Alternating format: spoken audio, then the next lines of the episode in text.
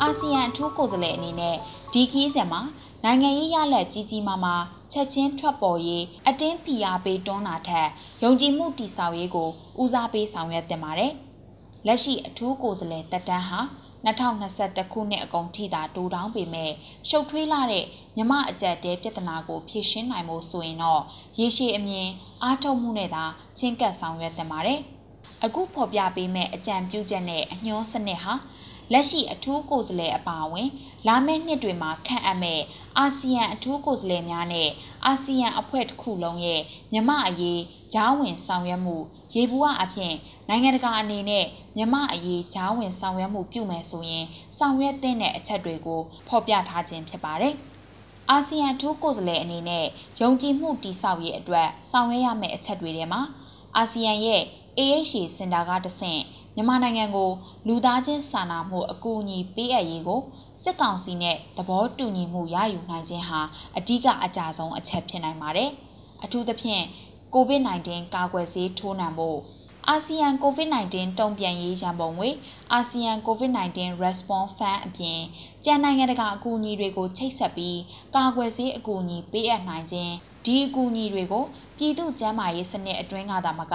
လွတ်လပ်တဲ့အရက်ဖက်အဖွဲ့အစည်းတွေကတဆင့်မှာစီမံခန့်ခွဲထိုးနှံခွင့်ရရှိအောင်ဆောင်ရွက်ပေးနိုင်ခြင်း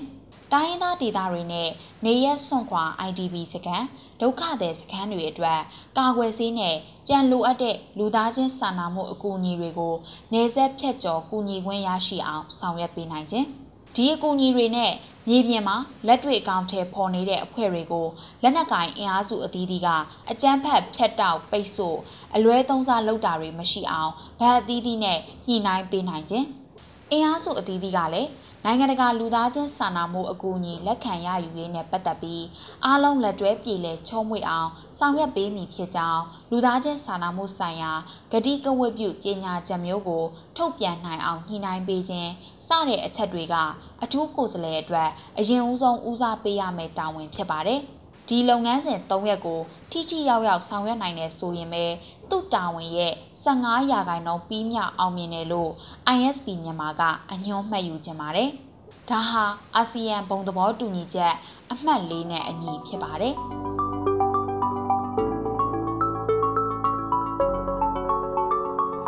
အထူးကိုယ်စားလှယ်အနေနဲ့စစ်ကောင်စီရဲ့အကြမ်းဖက်မှုတွေကိုရပ်တန့်အောင်အားထုတ်နိုင်ခြင်း ကြံလက်နက်ကင်အင်အားစုများအနေနဲ့လည်းအရက်သားတွေကိုပြစ်မှတ်ထားတိုက်ခိုက်ခြင်းကိုရပ်တန့်အောင်နီလန်းရှာဖွေနိုင်ခြင်း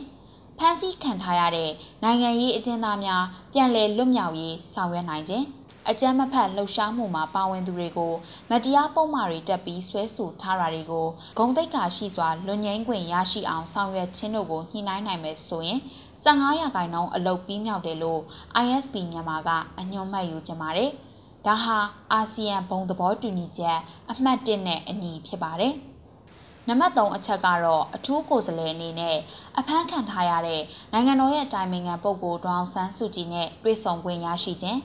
နိုင်ငံရေးပါတီများအရက်ဖက်အဖွဲ့အစည်းများဘာသာရေးအဖွဲ့အစည်းများလွတ်လပ်တဲ့သတင်းမီဒီယာများနဲ့တွေ့ဆုံခွင့်ရရှိခြင်း။ NUG အပါအဝင် အရေးပါတဲ့အင်အားစုများနဲ့ဆွေးနွေးခြင်း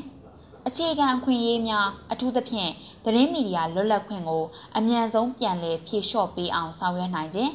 အချိန်တန်တဲ့အခါဗန်အားလုံးပါတဲ့အပြူသဘောဆွေးနွေးမှုတွေကတဆင့်မြန်မာဒီမိုကရေစီယာရေးလမ်းကြောင်းပေါ်ပြန်ရအောင်ဆောင်ရွက်နိုင်မဲ့နည်းလမ်းတွေရှာဖွေနိုင်ခြင်းတွေဟာ25ရာခိုင်နှုန်းသောပြီးမြောက်မှုဖြစ်တယ်လို့ ISP မြန်မာကအညွှန်းမှတ်ယူကြပါတယ်။ဒီအကြံပြုချက်အမှတ်3ဟာ အကြံပြုချက်အမှတ်4နဲ့ခွဲမရတဲ့ဆက်ဆက်မှုရှိပါတယ်။ဒါဟာအာဆီယံဘုံသဘောတူညီချက်9ရက်ထဲကအမှတ်2နဲ့အညီဖြစ်ပါတယ်။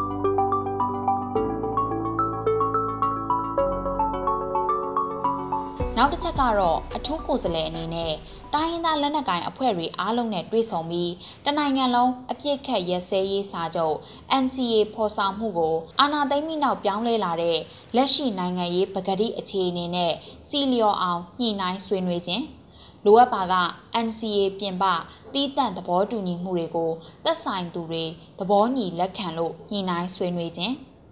ရိုဟင်ဂျာအရေးနဲ့ပတ်သက်လို့လဲယုံကြည်မှုတိဆောက်တာနဲ့တွန်းအားပေးတာချိန်ကိုက်ညီတာနဲ့အမျှရိုဟင်ဂျာအရေးတရားမျှတဂုံတိတ်ခါရှိစွာအပြေရှာဖို့ကိုပါချိတ်ဆက်ဆောင်ရွက်နိုင်ခြင်းအိန္ဒိချင်းနိုင်ငံအသီးသီးကနေဆက်တွေမှာရှိတဲ့ဒုက္ခသည်တွေနဲ့ပြည်တွင်းနေရက်စွန့်ခွာ IDP တွေအားလုံးစိတ်တော်ဆန္ဒအလျောက်ဂုံတိတ်ခါရှိစွာ ပြန်လည်နေရာချထားနိုင်ရေးကိုညှိနှိုင်းခြင်း ချိန်တန်တဲ့အခါငြိမ်းချမ်းရေးတည်ဆောက်ရေးနဲ့လူနည်းစုဒန်းတူအခွင့်အရေးဆွေးနွေးမှုတွေကို Federal Democracy ပြည်ထောင်စုပေါ်ထွန်းရေးအတွက်လမ်းစာအဖြစ်ရှာဖွေနိုင်ခြင်းတွေဟာ25ရာခိုင်နှုန်းသောပြည်မြောက်မှုဖြစ်တယ်လို့ ISP မြန်မာကအညွှန်းမှတ်ယူချင်ပါတယ်။ဒါဟာလဲအာဆီယံဘုံသဘောတူညီချက်9ရပ်ထဲကအမှတ်နှစ်နဲ့အညီဖြစ်ပါတယ်။အာဆီယံအထူးကိုယ်စားလှယ်အနေနဲ့ဒီခရီးစဉ်အပြီးမှာနိုင်ငံတကာရဲ့ထောက်ခံမှုကိုတိုးမြှင့်ရရှိခြင်း အထူးကိုယ်စားလှယ်ရဲ့တက်တန်းဟာဒီနှစ်ကုန်ရင်အပြောင်းလဲရှိမှာကြောင့်ရောအာဆီယံအနေနဲ့မြမအကြက်တဲအောင်မြင်အောင်ဖြည့်ရှင်းနိုင်ဖို့မြမအနာဂတ်ပြန်လည်ထူထောင်ရေးကူညီဖို့တဖွဲ့တည်းစွမ်းဆောင်နိုင်ဖို့ရာလုပ်ငန်းပိုင်းရစွမ်းရည်ပိုင်းရအရင်းမြစ်ပိုင်းရပါအကန့်အသတ်များစွာရှိနေတာကြောင့် တရုတ်ဂျပန်အိန္ဒိယအပါအဝင် ကုလသမဂ္ဂနဲ့အနောက်နိုင်ငံကြီးတွေပါပါဝင်တဲ့ပေါင်းဆက်ညီနိုင်ရေးရန်နေရာတစ်ခုကိုဖော်ဆောင်ခြင်းတို့ကိုဆောင်ရွက်နိုင်မယ်ဆိုရင်20ရာခိုင်နှုန်းအလုပ်ပြီးမြောက်တယ်လို့ ISP မြန်မာကအညွှန်းမှတ်ယူချင်ပါတယ်။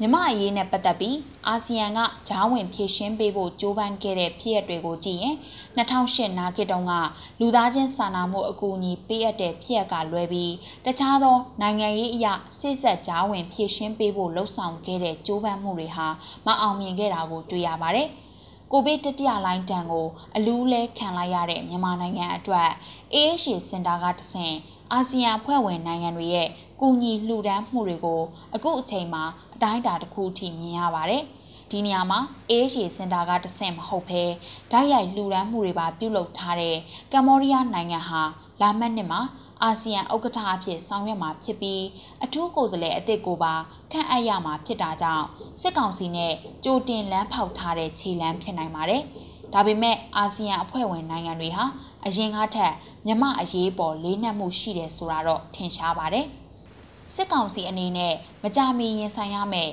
ကမ္ဘာကုလသမဂ္ဂမှာကိုစားပြုခွင့်အရေးအသာရကျင်တာရောလာမယ့်နိုဝင်ဘာလမှာကျင်းပပွဲရှိတဲ့အာဆီယံထိပ်သီးအစည်းအဝေးမှာအပြကောင်းစေဖို့ရောတရုတ်အပါအဝင်အင်အားကြီးနိုင်ငံတချို့ရဲ့အတွင်းကျိတ်ဖိအားပေးမှုတွေကိုရောပါစေဖို့ရော COVID-19 အကြက်အတဲနဲ့ကာကွယ်ဆေးထိုးနှံနိုင်ရေးအတွက်နိုင်ငံတကာအထောက်အကူရစေဖို့အတွက်ရောအာဆီယံအထူးကိုယ်စားလှယ်ရဲ့ခရီးစဉ်အတွင်းအလျှော်တင်းတချို့လုပ်ဖွဲ့ရှိပါတယ်။ ဒီမူဝါဒအာဘော်စောင်းပါမှာအကြံပြုခဲ့တဲ့အချက်၅ချက်ဟာအခုရေတွင်တူအခုရေကြီးတောက်လို့ရမယ်ရေတိုကိစ္စတွေတသက်မဟုတ်ပါဘူး။ပထမအဆင့်အနေနဲ့ယုံကြည်မှုတည်ဆောက်တဲ့လုပ်ငန်းစဉ်တွေကိုစတင်ပြီးရလက်ထွက်အောင်ဆောင်ရွက်ပြီးရေရှည်အမြင်အားထုတ်မှုနဲ့သာချင်းကပ်ဆောင်ရွက်ရမယ်ဆိုတာကိုထပ်မံသတိပြုစေချင်ပါတယ်။ အာဆီယံရဲ့ဘုံသဘောတူညီချက်တွေကိုအနှစ်ချုပ်ရင်လူအခွင့်အရေးလူသားချင်းစာနာမှုအကူအညီအရေးနဲ့ပဋိပက္ခဖြေရှင်းရေးဆိုတဲ့အချက်၃ချက်ပဲထွက်ပါတယ်